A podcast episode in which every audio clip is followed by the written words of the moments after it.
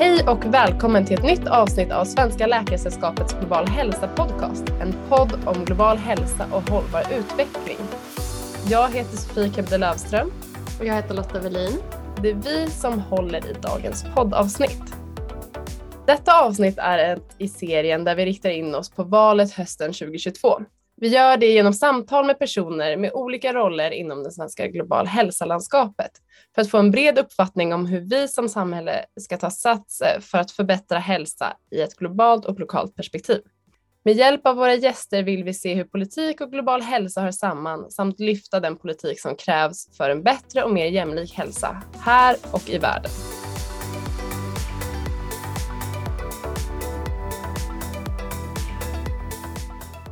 I dagens avsnitt är vi glada att välkomna Hampus Holmer till ett samtal om att arbeta som läkare i statens tjänst. Hampus Holmer är legitimerad läkare som genomgår NST i socialmedicin och jobbar som rådgivare i global hälsafrågor på Utrikesdepartementet. Hampus har även disputerat inom fältet global kirurgi och gjort postdoc på Karolinska institutet. Hampus har tidigare jobbat med forskning och policyarbete i ett flertal olika länder, bland annat Sierra Leone. Hej Hampus och det är kul att du är här. Skulle du kunna börja lite kort med att berätta om dig själv och eh, din väg till global hälsa? Absolut Sofia och tack eh, så mycket för möjligheten att få prata med er. Det känns verkligen som ett privilegium eh, att få tillfälle att vara med i den här podcasten Ehm, jag heter Hampus Holmer och är eh, läkare, legitimerad läkare. Jag utbildade mig i Lund eh, och Malmö. Under min läkarutbildning så eh, blev det så att jag kom in på ett forskningsprojekt och efter att jag var klar med läkarutbildningen så har jag också disputerat inom global hälsa. Ehm, och eftersom vi spelar in det här över Zoom så ser ni mig också och då ser ni bakom mig kan man liksom se min, min doktorsavhandling som jag har, har kvar där. Men Ehm, förutom att vara en läkare och liksom fors ha forskat en del så har verkligen en, en drivkraft för mig redan sedan innan läkarutbildningen varit att få arbeta med, med global hälsa, få arbeta med internationella frågor. Um, och liksom, den vägen för mig har varit ganska krokig. Uh, jag har provat på olika praktiker under min läkarutbildning, Eh, och tagit de tillfällen och möjligheter som har erbjudits. Eh, och det är väl liksom det jag brukar verkligen, när, när jag pratar med, med läkarstudenter, unga läkare och så som är intresserade av global hälsa, så är det verkligen det som jag brukar rekommendera och tipsa om att ta de möjligheter som, som dyker upp. Och jag är extra glad att vara med här då eftersom jag också har varit eh, både internationell sekreterare som det hette en gång och eh, sedermera global hälsosekreterare och också ordförande i eh, Svenska Läkaresällskapets kandidat och underläkarförening. Så det är jättekul att få känna att cirkeln är sluten här. Och eh, bra tips till eh, läkarstudenter och unga läkare. Ehm, jag vet att du har skrivit en del kring detta ämnet eh, och det är ju en stor och svår men aktuell fråga. Så vi vill höra lite, vad, vad betyder global hälsa för dig? Vad tänker du när du hör det begreppet? Alltså det, är, det, det är en fråga som, som ligger mig liksom varmt om hjärtat och som jag har fått tillfälle också att tänka på och prata om som, som föreläsare inom global hälsa inte minst. Um, och det jag kommit fram till då, um, det är ju på något sätt att, att global hälsa kan man, kan man tolka på två olika sätt. Å ena sidan så har vi um, globalt som kan betyda att det är runt om i hela världen och det är kanske den enklaste geografiska förklaringen. Men det som, som jag kanske tycker är ännu mer intressant, det är ju att man kan tänka också att globalt i en filosofisk mening betyder att man, ska bely, att man belyser en fråga från alla olika vinklar. Uh, det tycker jag är liksom den, den kanske mest spännande definitionen av global hälsa därför att det finns um, så mycket som så mycket evidens, så mycket som pekar på att hälsan för människor avgörs av sånt som kanske ligger utanför den traditionella hälso och sjukvården, hälsosektorn. Ehm, det vill säga vi måste för att kunna främja hälsa i världen och här hemma se på hälsa holistiskt, globalt. Eh, så att det, det skulle jag vilja säga är liksom mitt, min syn på global hälsa. Vad spännande. Eh, jag vet att du också eh, sedan en tid tillbaka är aktiv i fältet socialmedicin och jag tänker den beskrivningen du precis gav påminner också lite om vad jag tänker på när jag hör socialmedicin. Hur skulle du säga att eh, de fälten skiljer sig åt?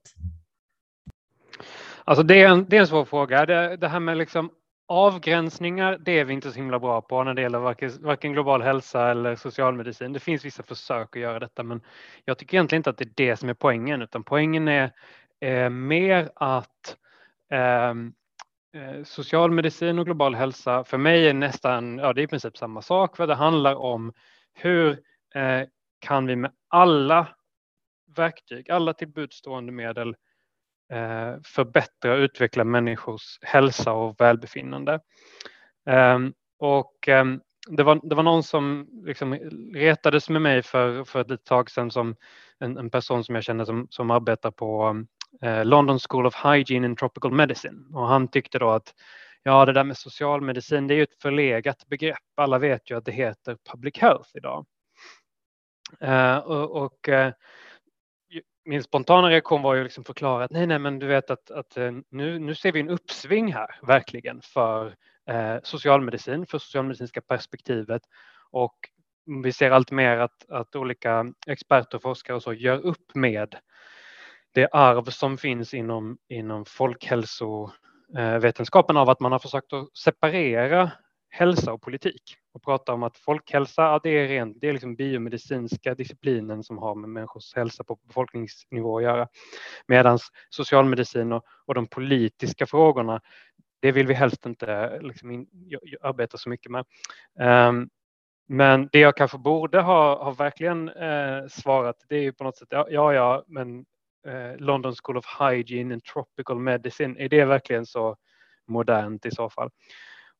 Det, det är väl också eh, liksom en, um, en påminnelse om att vi alla som institutioner och som eh, liksom professionen behöver ifrågasätta och, och, och, tänka igenom vad vi, vad vi gör, vad vi står för och, och var vi kommer ifrån. Um, men jag tror socialmedicinska specialiteten, inte minst i, i Sverige, har ju också liksom ganska stolt tradition av att ha bidragit till att vi har ett sånt välfärdssamhälle som, som också gör att vi har en av de, de, de längsta medellivslängderna i världen och, och överlag en god folkhälsa. Även om vi tyvärr idag ser allt mer tecken till att det finns en, en, eh, en alltför stor spridning i, i eh, hälsoutfallen. Ehm, där, där finns vissa personer i, vårt samhälle som, som har det eh, oacceptabelt svårt. Ja, och jag tycker att det var en väldigt bra segway in till nästa fråga för att vi har ju bjudit in dig eftersom att vi har det här val, den här valserien eh, och är väldigt nyfikna på att höra att du arbetar på utrikesdepartementet. Jag tänker att där som läkare komma kanske från det mer biomedicinska hållet och sen försöka eh, få det att hänga ihop med politiken. Eh, har vi varit väldigt intresserade av att höra mer om. Eh, så jag tänkte bara börja direkt med att fråga hur arbetar Utrikesdepartementet med frågor om global hälsa och hållbarhet? Superintressant fråga såklart. Eh, man kan väl bena ut de här frågorna. Dels om man tittar på eh, det organisatoriska så är det så att Utrikesdepartementet är ju förstås liksom vår förlängda arm ut i världen och vi arbetar framför allt med frågor som rör omvärlden på något sätt. Ehm, dels genom bistånd där Sverige har ett, ett hälsobistånd som, som uppgår till ja, förra året mer än 6 miljarder eh, svenska kronor. Eh, och det Liksom administreras dels av oss här på Utrikesdepartementet och dels utav Sida eh, som är liksom vår biståndsmyndighet. Men jag tycker också att det är viktigt att poängtera att, att Sverige spelar en viktig internationell roll som diplomatisk aktör. Att vi har en, en viktig röst i olika sammanhang som inte bara handlar om att vi ger pengar i form av bistånd utan också eh, bedriver ett påverkansarbete i FN, i EU, men också direkt eh, gentemot de över hundra länder där det finns ambassader och konsulat och så eh, och, och liksom mer allmänt eh, runt om i världen. Men sen är ju det också liksom en del av eh, ett regeringskansli som vars uppgift är att, att, att serva regeringen och hjälp, hjälpa till att eh, genomföra den politik som, som regeringen lägger fast. Eh, och i det arbetet så arbetar vi också nära tillsammans med eh, andra departement inom regeringskansliet som ansvarar för hälsofrågorna som, som sin sakfråga och då är det framför allt vårt socialdepartement som är liksom den svenska motsvarigheten till Ministry of Health. Det är vissa som inte eh, automatiskt eh, förstår att det, är, att, att det är vårt hälsoministerium liksom i Sverige. Man pratar om Ministry of Health internationellt. Men socialdepartementet men det finns också flera andra departement som, som arbetar med frågor som är direkt relevanta för hur, liksom människor, hur friska eller sjuka människor blir, som, som arbetar med jordbruk eller klimat och, och så vidare. Uh, och, och liksom det arbetet handlar ju också om att i någon slags Agenda 2030 uh, eh, anda försöka se till att vi arbetar eh, samordnat och via olika sektorer för att förbättra eh, hälsan i vårt eget land och globalt. Och liksom det, det är väl en av de stora trenderna nu på något sätt att eh, Utrikesdepartementet som ex till exempel kan inte längre jobba bara mot resten av världen utan vi måste kunna koppla ihop vad vi gör hemma i Sverige och, och internationellt. Så det, det, ställer ju krav på också att det finns en, ett nära samarbete eh, mellan de olika departementen. Då. Um, och eh, jag menar, jag brukar göra liknelsen till att jobba på sjukhus. Eh, att liksom, för att vara en effektiv underläkare eller, eller eh, ST-läkare eller överläkare för den delen på sjukhuset så gäller det eh, att veta vem som är vem, hur de olika delarna på sjukhuset hänger ihop och funkar, vem man ska ringa till, hur man ska eh, få sin patient att få den behandlingen den behöver eller få komma till den avdelningen som behövs eller hur man ska förmedla information till olika eh, kollegor och vårdprofessioner. Um, det är ungefär samma sak inom ett regeringskansli, att liksom det som avgör hur framgångsrik man är eh, och hur framgångsrikt regeringskansliet blir är också hur väl det där maskineriet funkar eh, och alla dess beståndsdelar som ju alla är människor i slutändan också. Ja, det är jättespännande att få höra om eh, och jag tänker som du säger, det är ju eh, som vi vet global hälsa är en bred fråga och det är många olika infallsvinklar som man måste ha. Men för rent konkret att arbeta med frågorna, hur prioriterar ni och vad prioriterar man inom UD när det kommer till global hälsa och hållbarhet? Eh, och det där är ju på ett sätt en, eh, en stor fråga eh, och det finns ett, ett byråkratiskt svar som är att, det finns, att, det, att man lägger fram, lägger fast strategier som, som liksom på, under vissa tidsperioder avgör eller definierar vad Sverige gör i samarbetet med specifika organisationer respektive eh, när det gäller Sida så, så lägger vi fast strategier för det globala arbetet, det regionala arbetet i Afrika till exempel och ett antal eh, bilaterala strategier som, där, där, vi har ett specifikt samarbete med ett, ett antal specifika länder. Då. Det är det byråkratiska svaret, men sen i praktiken när, när vi bedriver vårt arbete, liksom, vårt dagliga arbete, så, så har vi med oss de strategierna och de prioriteringar som läggs fast där. Men det vävs ju såklart dynamiskt ihop med de prioriteringar som den, den aktuella politiska ledningen har. Ehm, men vi har också en viktig roll som, som tjänstemän och jag är ju inte politiskt eh, tillsatt eller anställd utan jag är anställd som, eh, som ämnessakkunnig, som, som, som expert i ett specifikt område. Ehm, och har därmed också ett uppdrag att använda min kompetens och erfarenhet och, och liksom väva ihop då vad eh, regeringen vill, vad strategierna säger, men också vad, hur omvärldsläget ser ut och vad vi ser som, eh, som liksom mest intressant eller effektfullt eller, eller möjligt att, att göra det där är verkligen en, ett, ett spännande, ehm, en spännande erfarenhet att få sätta sig in i också den logiken som finns bakom det. Ehm, och en annan bok som, som ni som ser mig kan, kan se bakom mig, då, det, det är en bok som handlar om hur man, eh, hur man skapar hälsopolicy och hälsopolitik. Ehm, och, och det är som en klassisk bok i det här ämnet som bland annat pratar om det som man kallar för policy windows. Nämligen att för att faktiskt lyckas få fram en, en politik som blir antagen och, och eh, implementeras så, så krävs det eh, dels att det finns ett definierat problem som man ska bemöta, dels att det finns eh, ett definiera, en definierad lösning.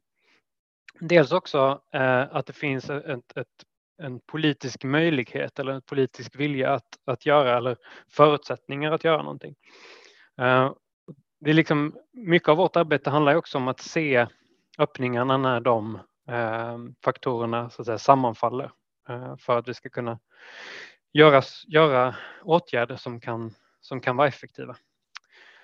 Och en slutkommentar på det är väl också att vi på Utrikesdepartementet ser det som otroligt viktigt också att, Eh, att, att vi agerar inte bara som staten eller som, som regeringskansliet, utrikesdepartementet eller Sida för den delen, eh, utan att det finns en hel rad av aktörer i Sverige och internationellt som alla bidrar till ett, till ett gemensamt eh, mål, det vill säga eh, det är liksom inte antingen staten eller ingenting utan det, det finns eh, alla de här aktörerna som måste kunna eh, Eh, bidra och där vi alla också har eh, olika roller. Det är också en sån här viktig eh, erfarenhet på något sätt från att som jag då har varit aktiv ungefär som ni i, i studentorganisationer, i civilsamhälle ehm, och också som, som forskare och, och liksom som, som lärare och så i, i universitetsvärlden. Eh, att, att vi har alla på något sätt olika roller i, i det här att, att spela. Så det är ett viktigt budskap och en viktig insikt som, som jag har med mig härifrån. Ja, tack och jättespännande och man har förståelse för det liksom eh, du är tjänsteman men det är också politik och eh, att försöka få en kontinuitet även när det finns eh, politiska svängningar och att olika saker händer runt om i världen. Ehm, och då hade vi en förfråga här, och undrar bara om det blir någon skillnad nu. Märker du av någon skillnad nu när man närmar sig valet i hur man väljer att arbeta? Eh, kan man känna att det är valår på din arbetsplats? Eh, både ja och nej kanske man kan säga. Vi, det, det, finns en väldigt, eh, ett väldigt väloljat maskineri kring eh, eh, fördelningen mellan ehm, den, den, den, politiska nivån och det som är, är så att säga, partipolitik som vi som tjänstemän inte eh, ansvarar för eller, eller arbetar med. Um, och och liksom det som, som vi gör som är så att säga tjänstemannarollen och tjänstemannaansvaret att genomföra eh, regeringens politik. Um, och det är ju extra, en extra viktig skiljelinje under ett, ett valår. Man försöker att separera det som, som handlar om liksom, eh, direkt politiska frågor med det som, som är vårt, vårt mandat och ansvar som, som regeringskansli och som tjänstemän.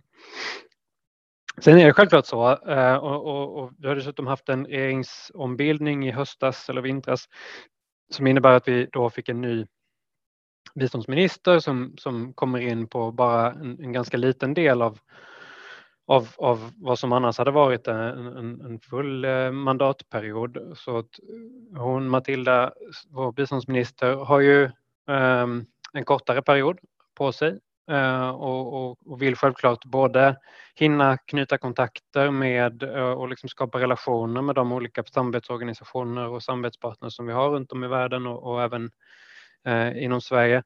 Eh, och samtidigt liksom göra ett avtryck och eh, eh, också ge sig in i, i eh, valrörelsen. Så all, allt det där påverkar självklart på, på olika sätt, men, men givet att vi har ett system för att separera mellan tjänstemän och, och, och politiken så är det, är det eh, trots allt eh, hanterbart också för oss.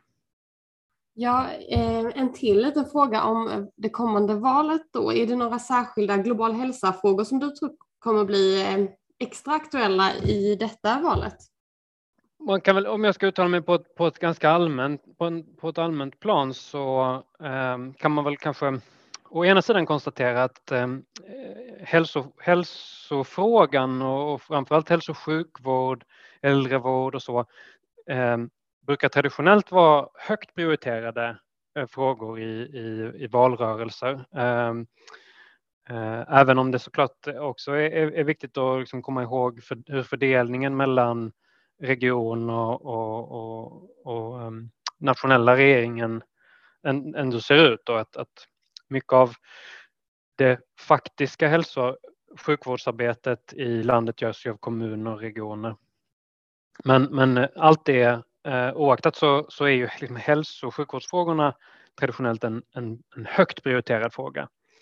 Bara som ett exempel så brukar vi liksom argumentera med våra klimatkollegor att nej, men ni måste komma ihåg att, att en av de tyngsta argumenten för att adressera klimatet det är ju för att vi därigenom kan förbättra människors hälsa och bättra förutsättningarna för att människor att, eh, att överleva eller att undvika eh, för, um, um, som säga, sjukdomar som hade kunnat förebyggas annars. Um, men å andra sidan så är det så att uh, biståndsfrågor i regel inte är lika högt prioriterade. Eh, och, och eh, där, där, finns det väl liksom vissa specifika frågor som kan dyka upp. Hur stort ska biståndet vara och sådana saker. Eh, men nu i år så finns det också så, så stora omvärldsfrågor med, med Ukraina och annat som, som också kommer att överskugga troligtvis valrörelsen. Så det, det, det är ju några av de faktorer som kommer på något sätt påverka helheten. Jag pratade förut om det här med, med policy windows och, och, hur det kan uppstå genom världshändelser, inte minst öppningar för att, att bedriva eh, politik eller utveckla politiken, utveckla eh, samhället i olika riktningar. Och, och, vi är väl många inom på något sätt global hälsa-världen som har hoppats att pandemierfarenheten inte minst ska göra att Eh, att, att, att tröskeln sänks för att vi ska kunna förbättra vissa saker när det gäller eh, global hälsa, att vi ska få ett starkare internationellt system och kanske mer hållbar finansiering av sånt som Världshälsoorganisationen och en del andra organisationer och så. Eh, att vi ska få till ett bättre samarbete och så på, på olika nivåer. Men det är också på något sätt ett, ett, ett, tidsbegränsat fönster. Det var någon som sa att liksom efter en sån här kris så har man två år på sig att göra någonting och sen, sen är det liksom glömt. Uh, och det finns väl till och med tendenser till att det skulle kunna vara ett ännu kortare fönster när, det, när nästa kris dyker upp och på något sätt tar över uh, det allmänna medvetandet. Så att det, det, det återstår ju att se hur, hur heta en del av de här frågorna som handlar om global hälsa kommer att kunna bli. Eh, liksom Eh, erfarenheten historiskt är kanske att eh, det inte, kom, det inte brukar vara frågor som avgör valen givetvis. Eh, men, men de, finns, de finns onekligen med i alla fall. Jätteintressant att höra. Ehm, en annan fråga som vi ville ställa till dig är hur ser ditt arbete ut på Utrikesdepartementet? Eh, vad är din roll och hur kan en typisk dag på jobbet se ut för dig? Det första är väl att det inte finns några typiska dagar på jobbet utan att eh, det, brukar variera väldigt mycket utifrån vad som, vad som är på gång. Ehm, eh, och, och, det andra eh, som, sättet som jag brukar tänka på det, det är att dels så finns det ett, ett mer långsiktigt strategiskt arbete som bland annat handlar om de här internationella organisationerna som, som vi arbetar med. Jag är till exempel organisationsansvarig för den organisationen som heter Globala fonden mot aids, tuberkulos och malaria som är en av våra största biståndsorganisationer. Då. Eh, och där finns det ett, ett reguljärt arbete som följer en, en, en kalender, styrelsekalender över året och så. Um, så, så det är som en typ av arbete som på något sätt tuffar på och som är mer långsiktigt. Och sen parallellt med det så finns det ett mer eh, snabbfotat arbete som är ofta reaktivt så det, det, dyker upp en fråga, det kommer ett möte, det är någon eh, kollega eller minister eller, eller annan som ska träffa en motpart eller göra en resa eh, eller liknande. Eh, och då finns vi tillgängliga för att ta fram eh, underlag och analys och också föreslå vad man skulle kunna ta upp i de här mötena och vara med och, och lägga fast liksom den, vad, vad Sverige ska Eh, ska ta upp i ett sådant sammanhang. Ehm, så det är väl de två liksom, eh, olika perspektiven. Det, det, det väldigt snabba, reaktiva och det långsiktiga, mer strategiska. Båda delarna är jättekul.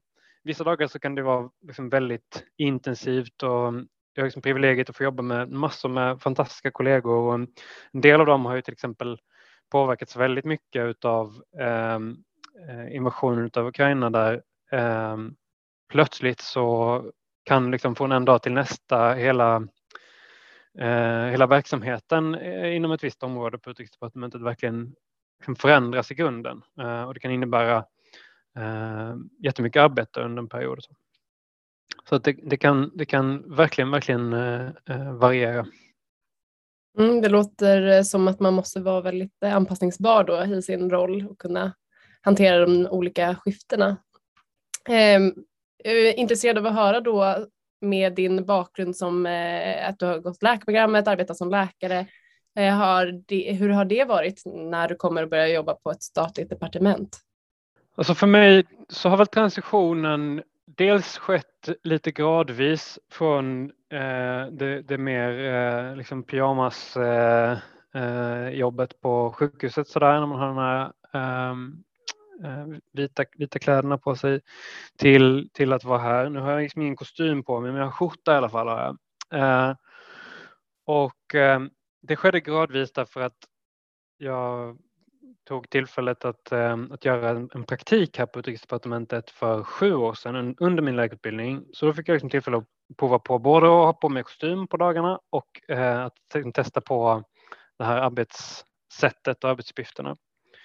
Så i och med att jag liksom hade med mig den upplevelsen och erfarenheten av sex månaders praktik på Utrikesdepartementet ehm, och dels sen har ehm, forskat och eh, arbetat för WHO i Sierra Leone och, och, och gjort olika eh, placeringar, liksom lite olika sammanhang och fått se lite olika miljöer. Jag gjorde en kort period som managementkonsult och det har jag också med mig ganska mycket. Även om det var en väldigt kort period så eh, finns det en del liksom insikter och eh, på något sätt trick, tips och tricks från den tiden som, som har varit värdefulla för det här. Eh, så på det sättet så var det liksom ingen, ingen plötslig, inget plötsligt hopp. Eh, men det andra som jag tänker på det är, det är väl just att, att erfarenheten av att ha arbetat som läkare, både att förstå Eh, en jätteorganisation som ett sjukhus kan vara. Jag gjorde min AT på Karolinska sjukhuset i Solna som är ett jättesjukhus med massa olika avdelningar och, och liksom enheter och så.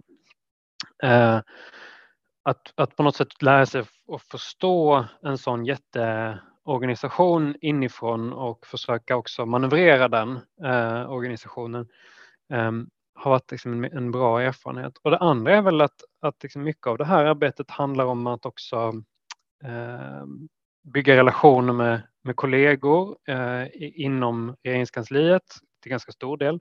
Förvånansvärt mycket intern diplomati mer än extern, men i alla fall. Eh, men det handlar också om vilka relationer med människor runt om i, i världen, eh, i andra länder, eh, olika kontinenter och, och världsdelar och så. Eh, och där tycker jag att liksom erfarenheten av att ha arbetat som läkare Eh, Eh, på olika ställen, framför allt på vårdcentralen. Jag jobbade en period på, på vårdcentral i, i Rosengård i Malmö och det var liksom absolut mest givande eh, tiden, mest internationella arbetet, även om jag nu jobbar på Utrikesdepartementet. Eh, just det här att, att kunna eh, bemöta människor i olika livssituationer och, och känna att man kan bygga en, eh, en förtrolig liksom, relation med en person.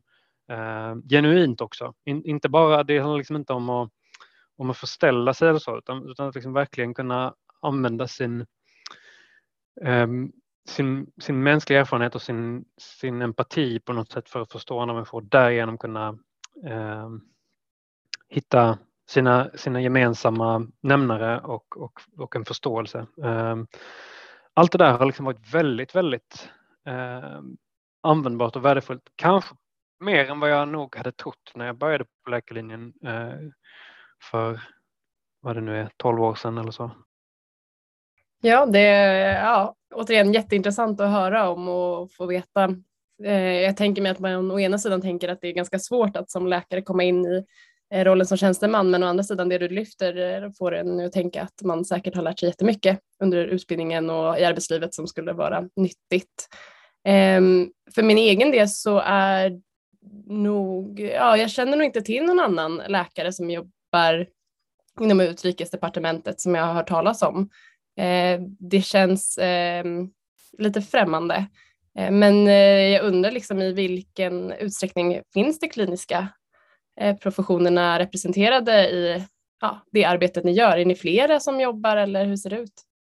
Just i vårt global hälsa-team så råkar vi faktiskt ha både en eh, sjuksköterska som sen, eh, sen hon arbetat som sjuksköterska så har hon också Ehm, utbildat sig inom ehm, humanitära frågor, arbetat med biståndsfrågor internationellt och så. Ehm, så ofta är det en sån här, precis som för mig, en kombination på något sätt av vårdprofession och, eh, och andra erfarenheter. Och vi har ju också en ambassadör för global hälsa som heter Anders Nordström och han började sin karriär som, som läkare och utbildad läkare och legitimerad så, men har sen eh, arbetat väldigt mycket internationellt Ehm, och, och liksom skaffat sig de här erfarenheterna eh, längs vägen. Ehm, det finns ju en annan eh, läkare i Regeringskansliet som jag känner till. Det finns, finns givetvis fler också, men, men på, just på Socialdepartementet så är ju en av socialministerns politiskt sakkunniga ehm, eh, en, en, läkare också som arbetar där. Så att det, på ett par ställen i, i systemet så, så dyker vi upp, men annars så är det självklart så att rollen för regeringskansliet i förhållande till myndigheterna framför allt, det är ju liksom att vi, tanken är på något sätt att vi är mer generalister och det är mer ovanligt egentligen. Det hör till, till undantagen att det finns personer med, med så specifik eh, vad ska man säga, eh, bakgrund som, som vi har här. Eh, Medan många av kollegorna är ju statsvetare och jurister eh, eller, eller liksom liknande ekonomer, liknande bakgrund.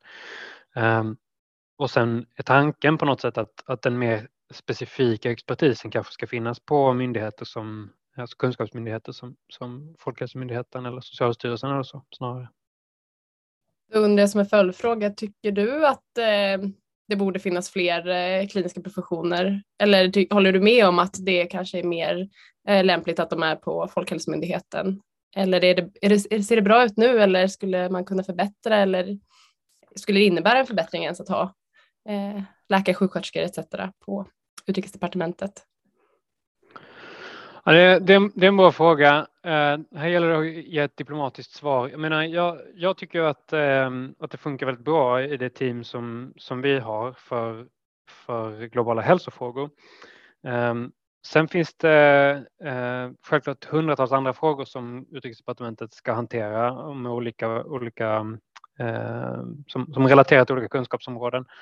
Eh, och min känsla är att erfarenheten överlag brukar vara att, att det, det är positivt och bra att ha personer med, med en viss expertis. Men å andra sidan så bygger ju just utrikesdepartementets eh, liksom personalpolitik i regel på att, man, att vi har generalister, att det finns diplomater som kommer in genom diplomatprogrammet eller på andra sätt och sen Eh, så kallat roterar, alltså att man arbetar på en arbetsplats i eh, ett par, tre år och sen så byter man arbetsplats. Och I regel så roterar man också mellan Stockholm och, och olika ambassader runt om i världen. Och idén med det är ju att man ska liksom skapa sig en erfarenhetsbas som, som handlar om själva hantverket av att arbeta dip, som diplomat och med liksom diplomati. Uh, så att på något sätt så finns det också uh, en styrka är att ha båda delar i ett team och att, att eh, också som individ att ha kanske en viss expertis med sig. Det är ju aldrig eh, fel. Men sen behöver vi ju också, eh, kanske framför allt vi som kommer med en mer specifik bakgrund på det här sättet. Vår, vår utmaning handlar ju mer om att vi måste lära oss hantverket av att eh, arbeta med diplomati eller arbeta i en, en förvaltning och så. Um, så att det, det, finns, det finns ett behov av, av båda typer, de som är mer generalister och de som är mer eh, specialister och experter. Um, och det främsta budskapet kanske egentligen eh, dels handlar om att det, det, är viktigt att man som eh, läkare, sjuksköterska och, och andra vårdprofessioner eh, kanske ser att det finns den här möjligheten och att, det finns, att, det, att man kan göra ett arbete ungefär som jag gör. Ehm, det, det tycker jag är liksom ett, ett, viktigt budskap till folk att man, man, det finns olika alternativ och olika sätt att arbeta.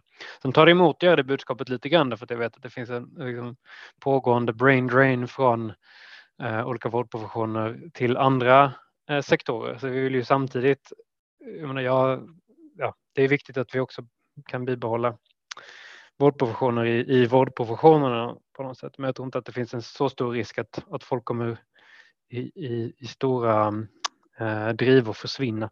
Eh, det andra från ett mer socialmedicinska perspektiv så det kanske handlar liksom om att eh, när vi har analyserat hur det ser ut på Eh, myndigheter, kanske inte så mycket i, i liksom regeringskansliet men på kunskapsmyndigheterna så även på regionerna och i viss mån i kommuner eh, så har vi identifierat att om man jämför med andra länder så finns det relativt få eh, läkare med folkhälsoexpertis eh, eller expertis inom då typ socialmedicin, hälsoekonomi, hälso och sjukvårdens organisation och, så, och sådana saker. Det är på något sätt en yrkeskategori som vi i jämförelse med en del andra länder i, i Europa och i, i Nordamerika och så eh, faktiskt saknar. Eh, det vill säga personer som skulle kunna bidra till att eh, att vi får ett, ett mer ändamålsenligt hälso och sjukvårdssystem. Att, att upphandlingar av sjukvårdstjänster görs på ett så effektivt sätt som möjligt. Det låter byråkratiskt och tråkigt men det är liksom superviktigt för att man ska få så bra utfall som möjligt av Ehm, våra, våra gemensamma investeringar i form av skatter eller andra, eller in, andra intäkter. Eh, men jag menar även på på, eh, som Folkhälsomyndigheten till exempel, så finns det relativt få personer med, med en specifik sån här folkhälsoläkarbakgrund, socialmedicinska bakgrunden, utan i regel har, har vi mer av infektionsläkare och mikrobiologer och, och, och de som har en, en, mer riktad expertis på de områdena. Eh, så det, från, från ett socialmedicinskt perspektiv så är det klart att där skulle vi gärna vilja se eh, mer utav den här lite bredare folkhälsoexpertisen på olika ställen i, i systemet.